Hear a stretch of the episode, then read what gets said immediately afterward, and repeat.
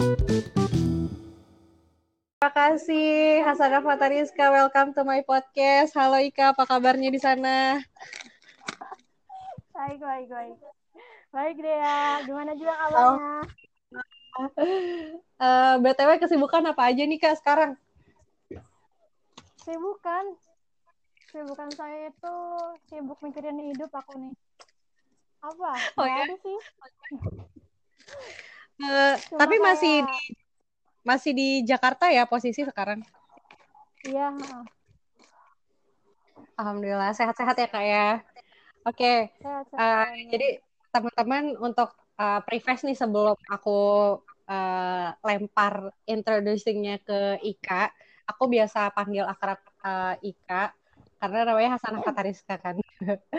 Jadi temanku ini masya Allah uh, dengan menghadapi berbagai prosesnya ternyata akhirnya finally bisa achieve uh, award di LPDP ke Wageningen University di Netherlands ya kak ya.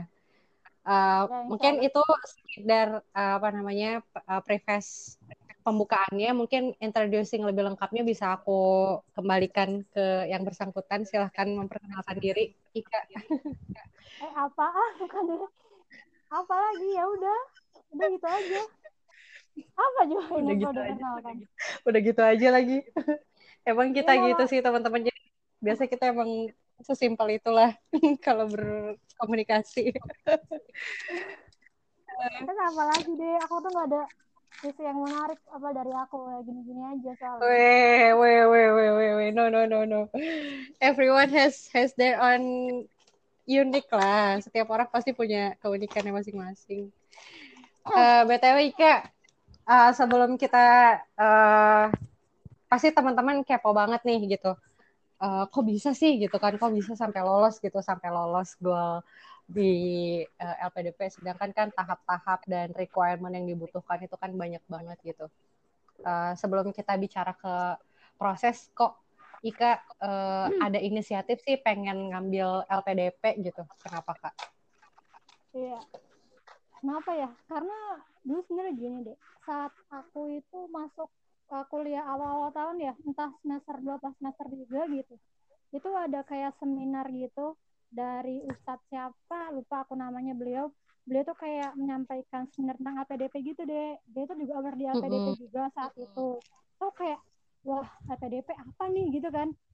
Jadi kayak termotivasi gitu saat itu. Aku kayak dari semester itu semester awal-awal itu aku udah mulai kayak kepoin LPDP update apaan sih sampai aku udah join ke grup LPDP di yang di kan lebih aktif di Telegram ya LPDP itu jadi aku udah meskipun aku nggak paham mereka ngomong apa tapi ya wis lah aku ngikutin aja mereka tuh ngomong apa. Seenggaknya sedikit banyak aku paham oh LPDP gini gini gini gini gitu. Jadi aku udah mulai join ke grup LPDP tuh udah mulai dari semester dua apa tiga gitu di bangku kuliah kayak gitu. Jadi Hmm, pas hmm, sebelum aku wisuda itu sekitar sebulan ya sebulan sebelum wisuda aku udah kayak buat planning gitu. Ntar pokoknya setelah selesai aku wisuda aku udah harus uh, nyam apa ya kayak buat jadwal-jadwal gimana caranya buat mempersiapkan dokumen-dokumen buat apply LPDP gitu hmm.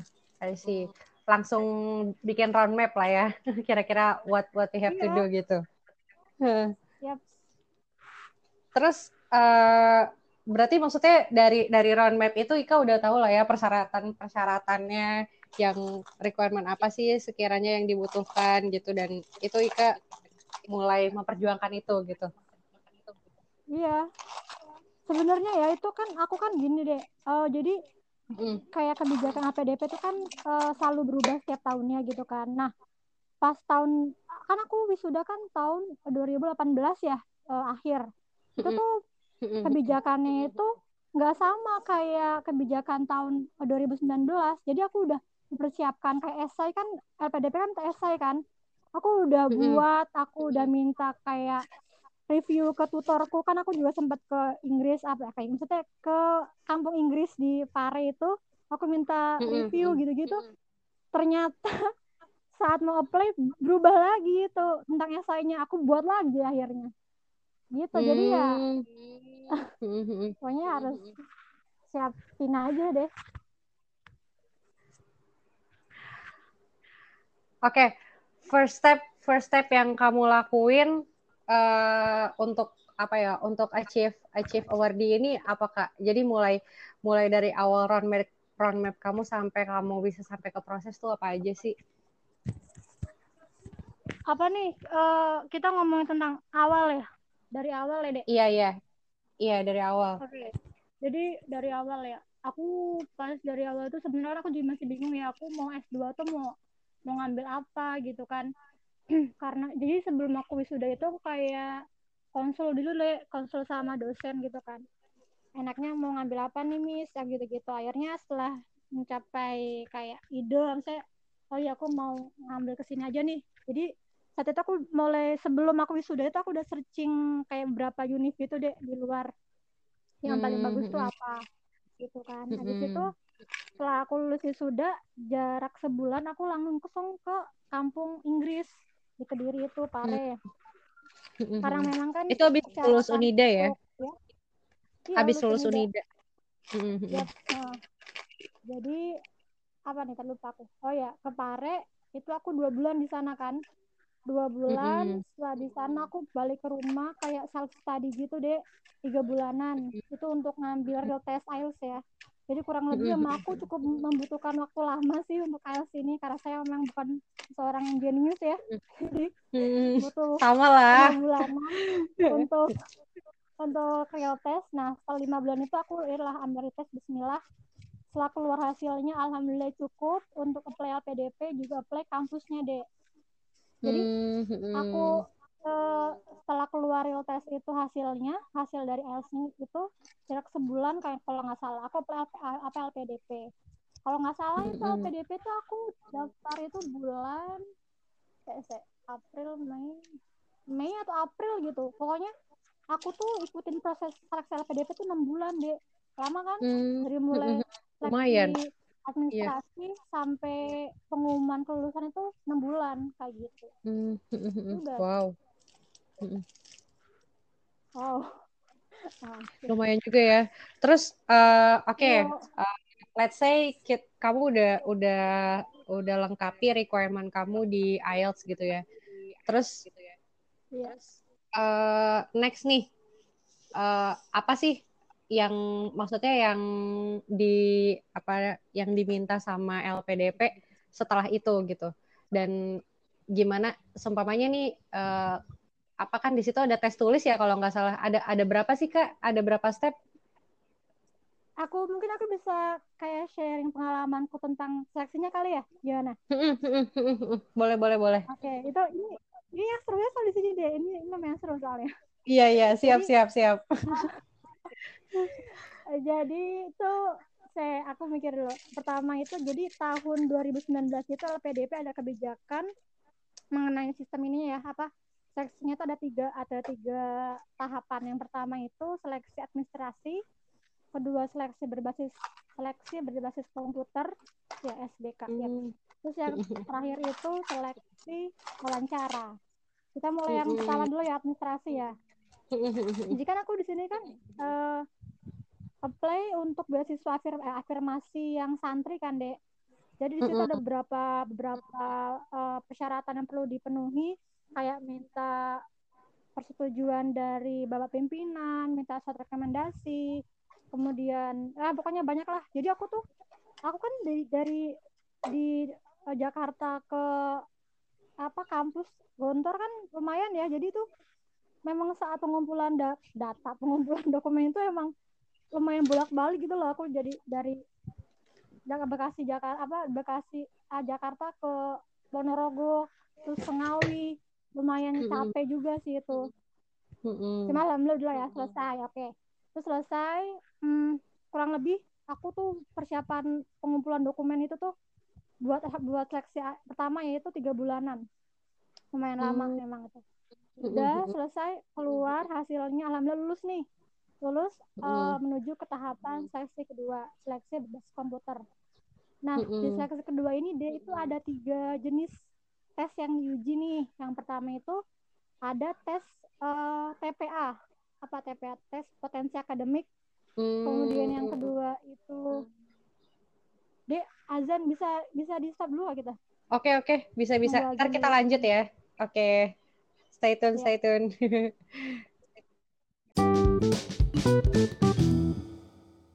serta yang pertama itu ada tes potensi akademik habis itu apa tes eh, apa itu apa psikolog itu loh tes psikolog itu habis itu yang Mm-mm. ketiga SN, eh, SN, Mikrofonnya dideketin kak.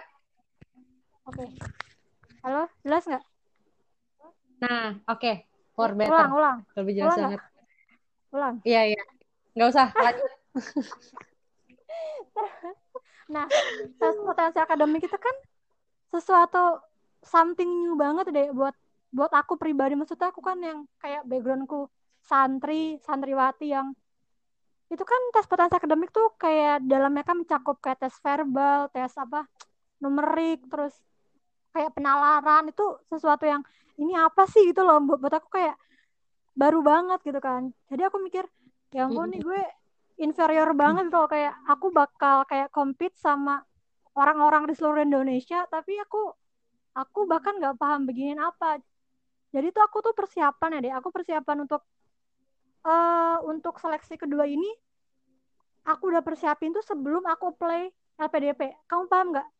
Jadi tuh aku udah mempersiapkan belajar belajar untuk eh, tes kedua ini udah aku persiapkan udah aku belajar dari jauh dari bulan-bulan sebelum aku apply LPB apa LPDP soalnya aku ngerasa aku tuh kayak kurang banget buat buat apa kepemahamanku tentang TPA ini aku kurang banget. Makanya aku udah belajar sampai berapa bulan itu.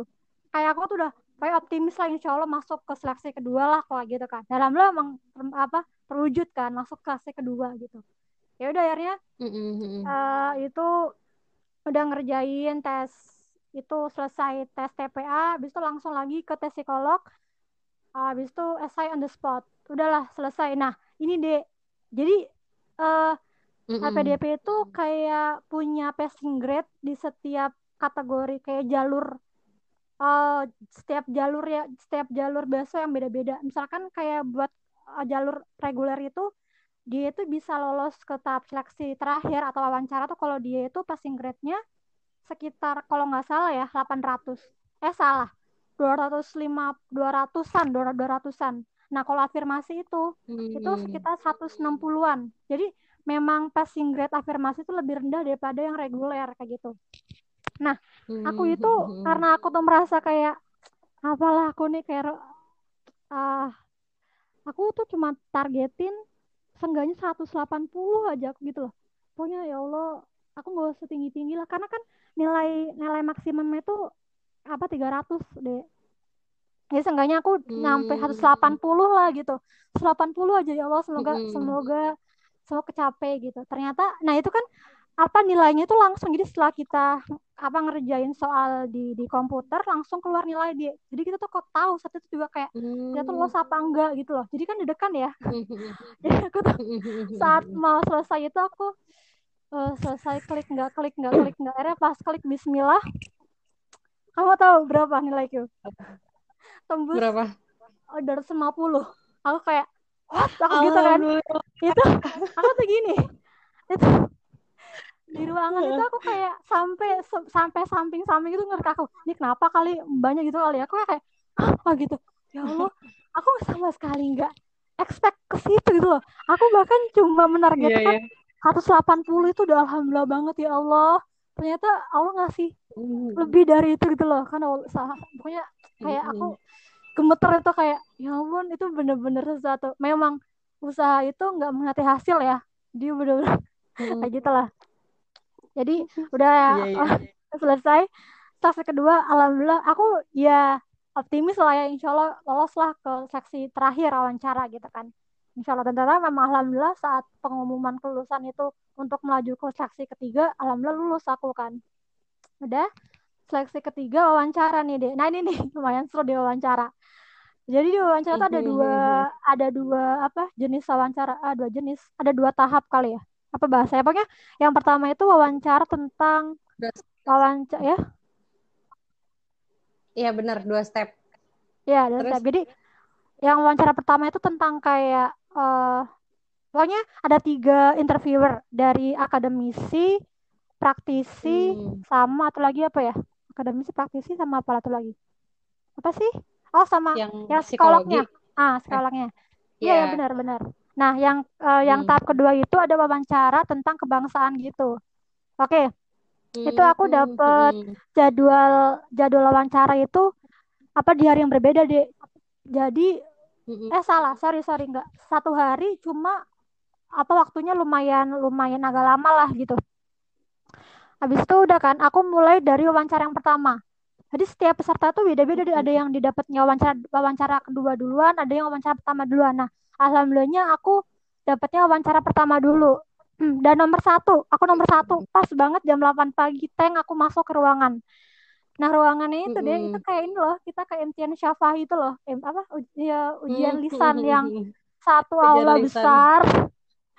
Satu aula besar terus banyak meja-meja gitu kan dan itu posisi wawancaranya kan aku kan ngambilnya di Bandung. Karena memang afirmasi eh, santri itu nggak nggak di semua kota ada deh jadi cuma beberapa kota doang. Nah aku ngambilnya di Bandung kan yang lebih deket toh. Jadi aku ke Bandung dah. Karena aku belum paham tentang situasi dan kondisi lapangan jalan-jalan ke Bandung dari tempat aku stay ke tempat wawancara makanya aku udah berangkat itu dari jam 5 subuh. Apa kurang ya? Pokoknya setelah subuh pas aku langsung berangkat kampus buat wawancara aku nyampe di gedung itu Iya, iya. jam 6 jam 6 pagi itu masih sepi banget gedungnya. Habis itu udah kan oke. Eh, gitu. Skip langsung aku maju soalnya kan aku nomor satu deh aku nomor satu jam 8 jadi aku udah dekat duluan kan. Eh, tapi sebelum itu ya sebelum akti- aku mau cerita sebelum wawancara itu. Itu kan sekitar ada waktu berapa bulan ya? Sebulanan kalau nggak salah dari jarak antara seleksi kedua ke seleksi ketiga. Jadi aku udah persiapan sekitar sebulan apa dua minggu ya? Aku lupa ya pokoknya gitu.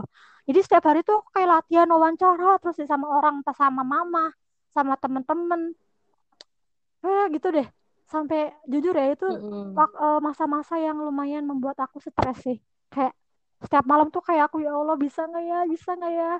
Soalnya setiap kali wawancara sama mama itu beliau selalu ngomong kamu kurang di sini kamu kurang di sini. Kan aku latihan kayak dari mimik intonasi aku gimana apa gitu loh pokoknya sampai dinilai Betul. gitu banget Iya, sama iya. mama jadi aku setiap Mm-mm. malam tuh kayak sebelum tidur kayak aku tuh ya Allah gemeter kayak deg-degan terus pokoknya apa menjelang tes wawancara itu dan malamnya besok wawancara aku tuh nangis saking stresnya Hmm. saking takutnya gitu loh ya Allah Hmm. ya Allah aku udah lima bulan eh, enggak enam bulan ya lima bulan mungkin lima bulan aku ini bisa berhasil nggak ya aku goal nggak ya PDP nih ya Allah das oke langsung pas pagi itu aku udah kan nunggu jam 8 aku dipanggil ke ruangan wawancara pertama. Oke lah kan kayak perkenalan ya apa gitu-gitu. Kamu terus eh, pertama kali yang nanya itu dari eh, ibu psikolognya nanya gini ah Hasana kamu nyampe jam berapa di sini? Saya nyampe apa jam 6 pagi bu. Hah? Jam 6 pagi? Ibunya kaget gitu kan. Wah kok pagi banget kamu? Gitu ya nggak apa-apa bu. Semangat bu. Aku gituin kan. Semangat bu. Oh ya bagus bagus. Udah itu oh ya Ah, ya pokoknya insya- alhamdulillah. Heeh. alhamdulillah. La- lancar sih pokoknya ya lancar lah. Eh, ibu bapaknya baik-baik banget. Apa maksudnya nggak buat aku tegang meskipun aku dalam tuh satu jam cuma kerasa gitu loh. Ya udah. Nah ini nih pas wawancara keduanya nih udah kan keluar aku nunggu lagi buat dipanggil. Ke wawancara kedua wawancara kedua ini aku diuji interviewerku tuh apa dari bin deh Eh, tahu kan bin kan? Hmm. Mm-mm, Tahu Badan Ah, Intelijen. Badan Intelijen. Ah, Iya. Indonesia. Mm-mm. deg-degan cuy? Soalnya soalnya gini sebelum aku masuk kan kita kayak kita kan kayak kumpul gitu kan. Kayak kumpul di ruangan gitu kayak nunggu. Nah ada temanku eh, ngomong gini bukan temen sih kayak kenalan tuh lah sesama peserta kan kita kenalan toh biar enggak biar enggak dingin dingin banget tangan. Jadi dia ngomong gini tau gak sih aku ya ngeliat tadi eh, temen-temen yang keluar apa dari ruangan wawancara satu semuanya mukanya gini datar semua flat. Aku langsung beneran kayak bener segitunya? Aku udah dekan juga kan. Akhirnya pas akhirnya namaku dipanggil pas aku namaku dipanggil eh ya pak eh sama begini silakan masuk gitu kan. Oke aku masuk. Duduk. Habis itu apa ditanya oh, nama Snapchat Rizka ya? Apa nih uh, kamu dipanggilnya apa? gitu. Nah apa apa bisa manggil saya Hasan apa? gitu. Oke okay, Hasannya terus udah nanya nanya awal-awal ngomong gini bapak ngomong kamu sudah punya pacar? gitu kan. Aku cuma senyum aja kan. Aku senyum. Jomblo gue kamu pengen kamu kalau pengen punya tenang gini masih lupa aku. Nanti kalau kamu punya pasangan intinya gini kalau kamu punya pasangan nanti kamu pengen tipe idamanmu seperti apa gitu kan? So, aku karena jujur aku nggak punya tipe idaman jadi sempat mikir apa tipe tapi apa? Tapi idaman gue apa ya? Jadi ya udahlah aku sebutin aja ngasal apa gini gini gini pak. Nah yang ngomong gini oh gitu. Terus kamu pengennya cowok apa cewek? Aku diam ini si bapaknya aku yang salah dengar atau si bapaknya yang salah tanya gitu kan? Itu sempat hening deh. Aku diem. Aku sempetin aku diem. Karena saat bapaknya itu ngasih pertanyaan tuh bapaknya tuh nggak ngasih aku kayak ngeliat ke dokumen-dokumen beliau tuh di atas meja. Terus mungkin saat beliau kayak sadar ini anak kenapa diem? Lu ngomong gini kenapa? Saya salah gitu. Hah, iya pak emang saya salah? Enggak kan? Kan saya tanya kamu pengen coba cewek? gitu. Ya cowok dong pak gitu kan.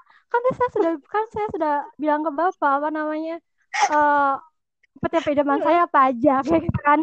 Ya ya kan ada kan sekarang yang pengen uh, punya pasangan tuh cowok apa cewek. Saya bilang gini dalam hatiku oh I see. Kita tuh udah masuk ke bab pertama apa LGBT ya gitu kan. Ternyata hmm. ini tentang apa yang pengen ngebahas LGBT hmm. bilang eh apa uh, apa? Karena aku bingung mau apa.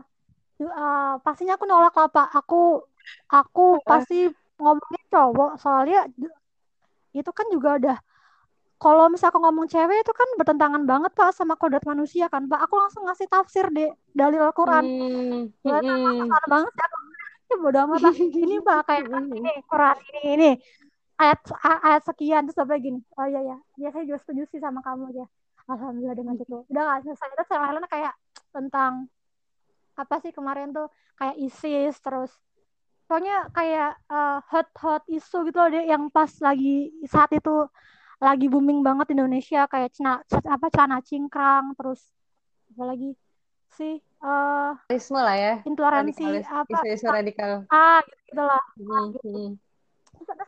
Lagi sama bapaknya coba kamu sebutin kayak Pancasila gitu Iya Pak, Pancasila satu ketuhanan yang Maha Esa. Kamu ini gimana? Aduh apa lagi apa lagi? Apa salah apa lagi gue gitu? Kamu itu kalau misalkan saya minta sebutkan Pancasila, kamu bayangkan kami itu di depan apa di depan apa tiang bendera ucapkan dengan penuh hikmat gitu. Iya Pak, baik Pak. Langsung doa aku apa otomatis tegap badan langsung Pancasila satu gitu kan. Aku ngomong langsung kayak kayak gitu. Ya kalau ngebayang tuh kayak lucu cuma saat kejadian itu tuh keringet keringet dingin deh aku bilang ya Allah kapan selesainya ini? Ya Allah udah ketar ketir aja sumpah aku kayak itu saat aku masuk wawancara kedua itu kayak jomplang banget. Ambience-nya apa apa apa sih? Ah, kayak di pertama tuh aku senyum-senyum bisa ketawa bisa aku optimis lah ya ya. Optimis lah pas wawancara pertama. Eh pas wawancara kayak aku ya Allah aku lulus nggak ya di wawancara kedua ini? Aku tuh gitu. Ya Allah. Tapi ya ya makanya pas menjelang menjelang pengumuman kelulusan itu aku sampai ya Allah aku kalau misalnya mikir wawancara pertama senyum senyum tapi pas wawancara kedua aku bayanginnya ya lulus nggak ya? Kalau gitu loh.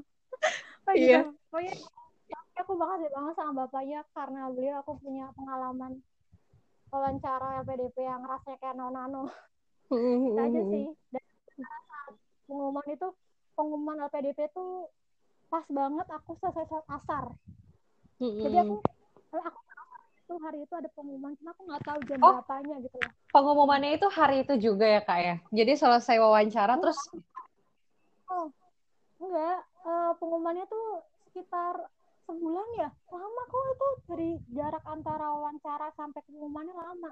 Nah aku bilang kenapa uh, proses seleksi wawancara LPDP eh proses seleksi besok apa LPDP itu lumayan lama deh berbulan-bulan. Soalnya memang dari jarak antara seleksi pertama kedua dan ketiga tuh lama-lama. Dan sampai ke pengumuman tuh nggak langsung nggak langsung gitu loh. Ada ada jedanya berapa bulan berapa minggu kayak gitu. Ah, nah. Setelah apa namanya itu pas hari itu ada pengumuman bahwasannya bakal diumumin apa di tentang kelulusan. Tapi kan kita nggak tahu ya jam berapanya gitu.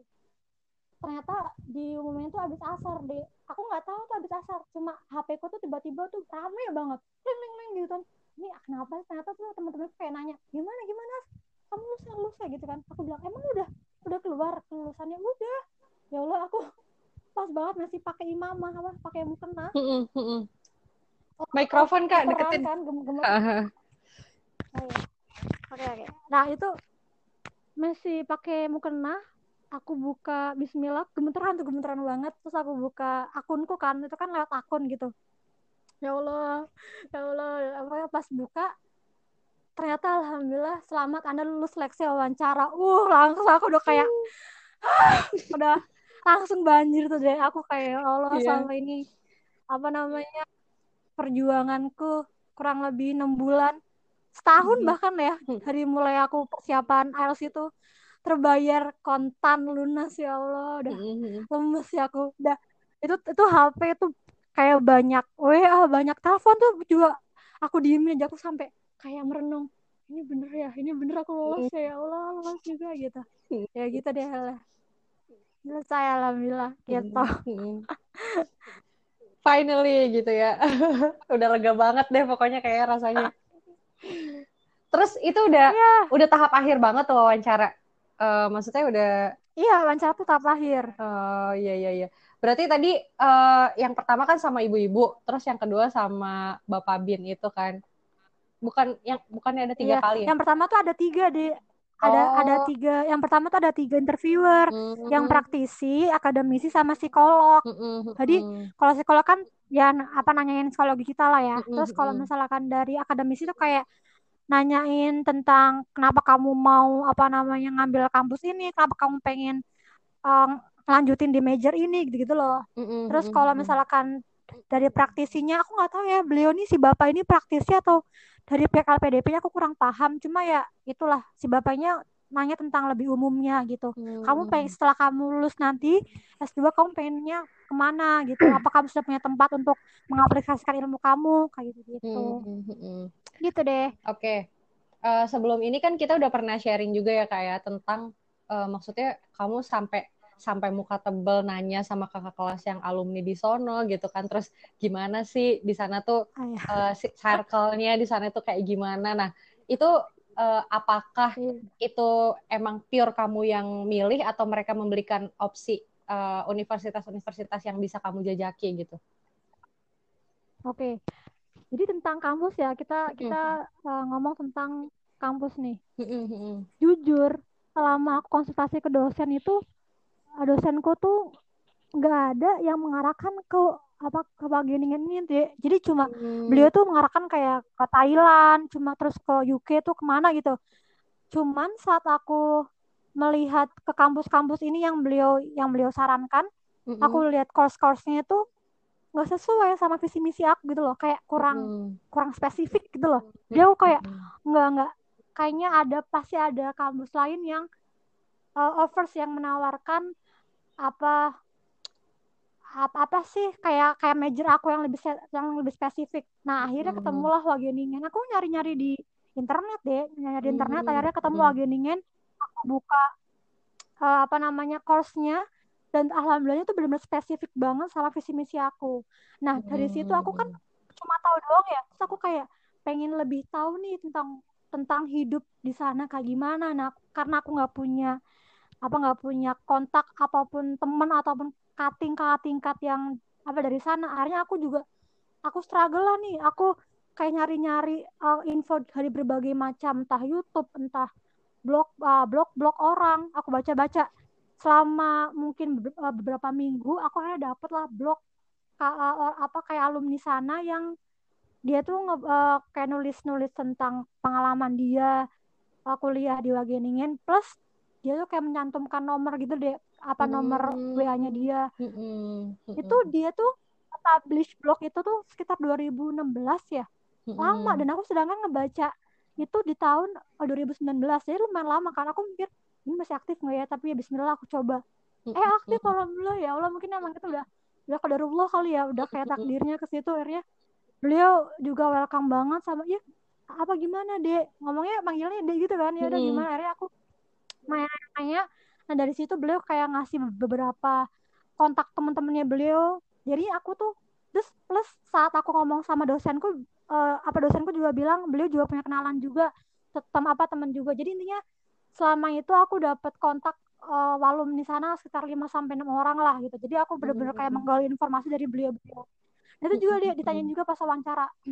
Mm-hmm. Asana kamu gimana nanti kalau kamu bisa survive kamu gimana cara kamu survive di di bagian ini nanti gitu kan. Saya aku bilang, aku ngomong gini gini gini aku mantep banget lah ngomong soal aku udah kayak pernah di sana aku sama si interview ngomong gini kamu kok mantep banget ngomongnya? Kamu kamu pernah ke sana atau kamu pernah punya tingkat uh, yang kayak cerita share pengalaman mereka di apa di sana ke kamu? Gitu. Aku bilang sebenarnya kalau cutting sih nggak punya bu. Cuma saya punya kenalan gini gini gini.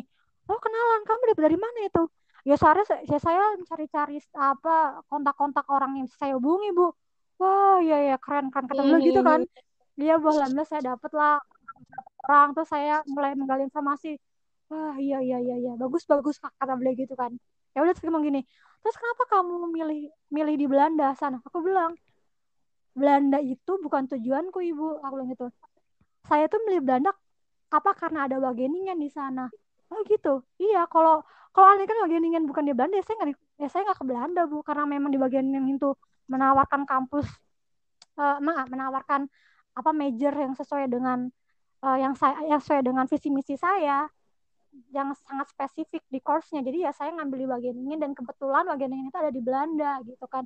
Oh oke okay, oke okay, oke okay. gitu hmm, deh. Ya udah. Jadi alhamdulillah ngongkong ya kok makanya iya iya saat wawancara pertama tuh kayak ya gila aku tuh yakin kan? Eh jomplang banget cuy pas di wawancara kedua. Gitu deh.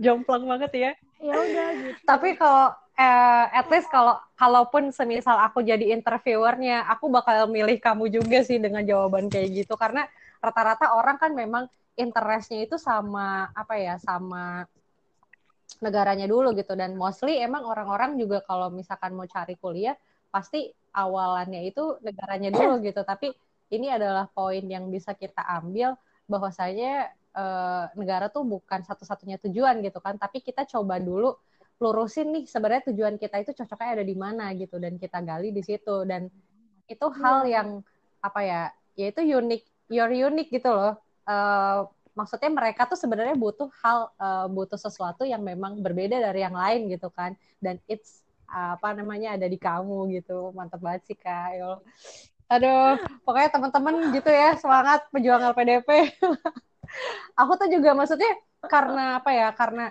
uh, emang kita sebenarnya nih teman-teman juga perlu tahu juga ya kita juga ya kak karena emang kesibukan masing-masing dan kadang apalagi kemarin karena aku aktivis di perhimpunan pelajar juga bener-bener apa ya emang concern aku ke sana gitu. Dan ketika emang pas lagi lengser tahu hmm. wah Ika dapet nih gol gitu kan. Aku langsung penasaran gitu kan. Pasti uh, aku nggak penasaran ke award yang udah dia dapet tapi aku penasaran sama prosesnya gitu loh. Pasti banyak jatuh bangunnya kan di belakang itu dan ya gimana sih?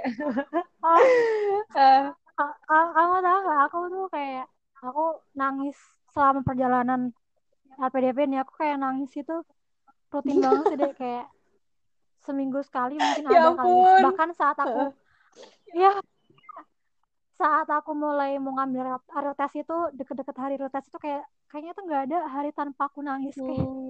ya Allah ini aku eh kan nilai aku pas self study tuh kayak kok nilaiku kayak naik terus turun lagi naik. Kayak fluktuatif loh deh naik turun lagi. Kayak aku kok aku kok bodoh banget sih? Gitu loh kayak aku nggak nangkep nangkep gitu loh ini tuh materi ini hmm. gitu. Terus pas yang awal cara itu juga aku juga nangis nangis kayak gitu deh hmm. ya mungkin aku lebay kali ya tapi ya ya, ya itulah yang aku rasakan gitu mungkin nggak mungkin nggak semua teman-teman teman-teman di LPDP kayak kayak yang aku alamin cuma ya mungkin aku juga orang yang terlalu fokus yeah, apa yeah, gimana iya. entahlah yeah. jadinya Ya Tapi gitu itu Ha. bagus sih kak. Maksudnya kayak kita juga mungkin pernah dapat nasihat yang sama ya dari bapak pengasuh kita dulu.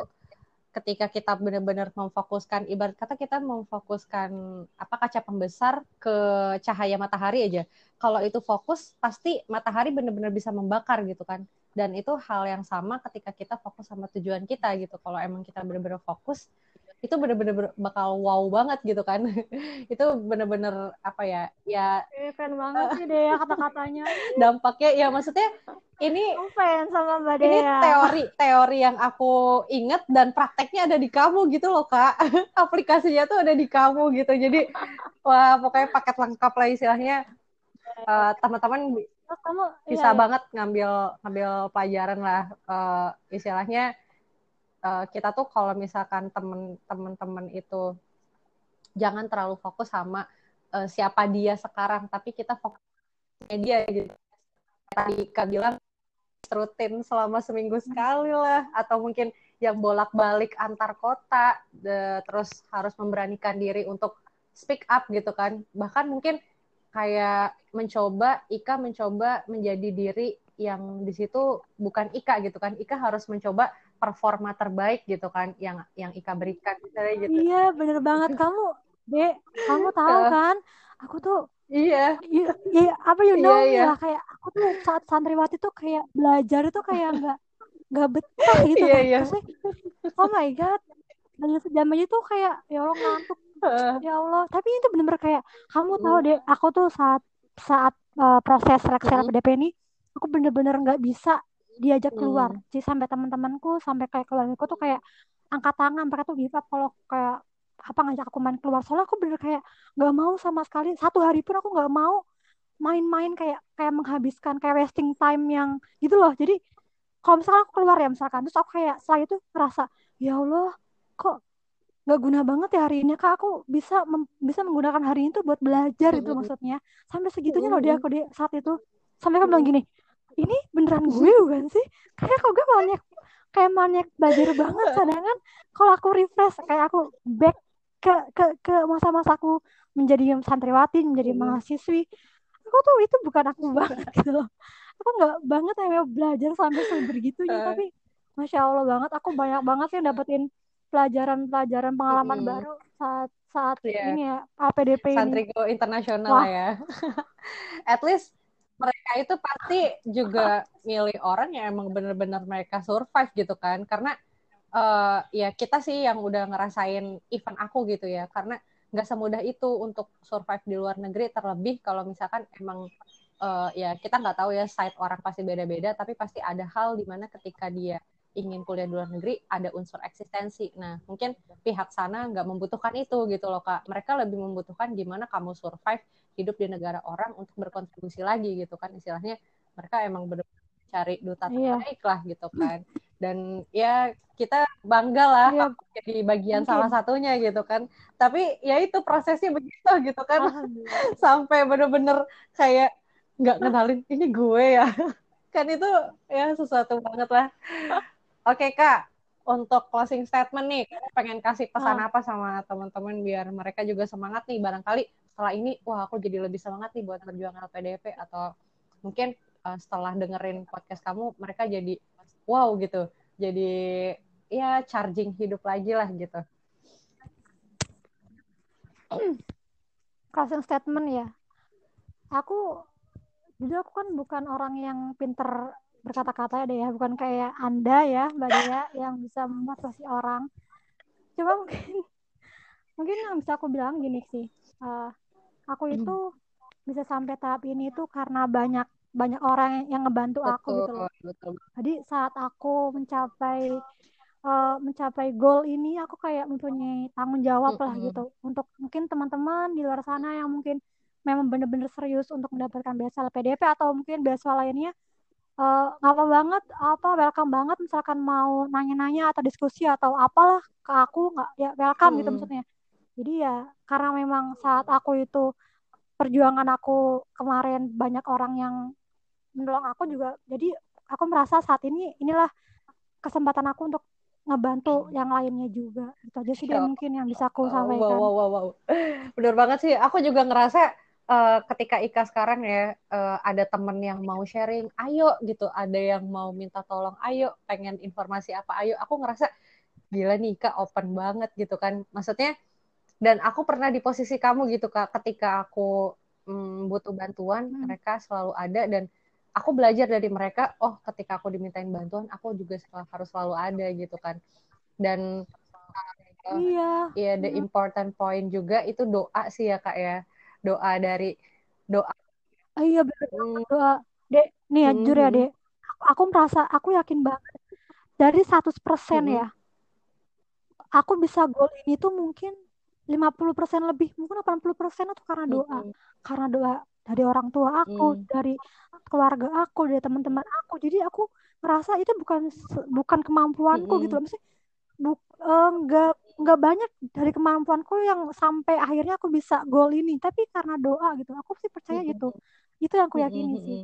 Ya pokoknya ya keep spirit lah. Kita kalau usaha juga jangan meliputi jangan jangan golput dari situ gitu ya. Karena itu doa tuh emang benar-benar ya, big miracle-nya gitu kan. Di situ dia yang yang melatar belakangi ya. semua kesuksesan kita gitu kan. Berkahnya terlebih doa orang tua gitu ya Wah, hmm. keren banget. Pokoknya makasih banget ya Kak hmm. udah bisa gabung di chat di sharing with Dea. Semoga bisa menginspirasi banyak orang jadi jaringan. Ya, sama-sama. Dan kita, kita tunggu deh.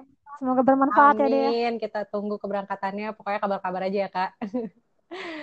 Oke, terima kasih banyak teman-teman yang udah denger podcast ini. Semoga bisa lebih menginspirasi lagi. Salam sukses. Dadah Ika. Thank you very much for the time. Dah.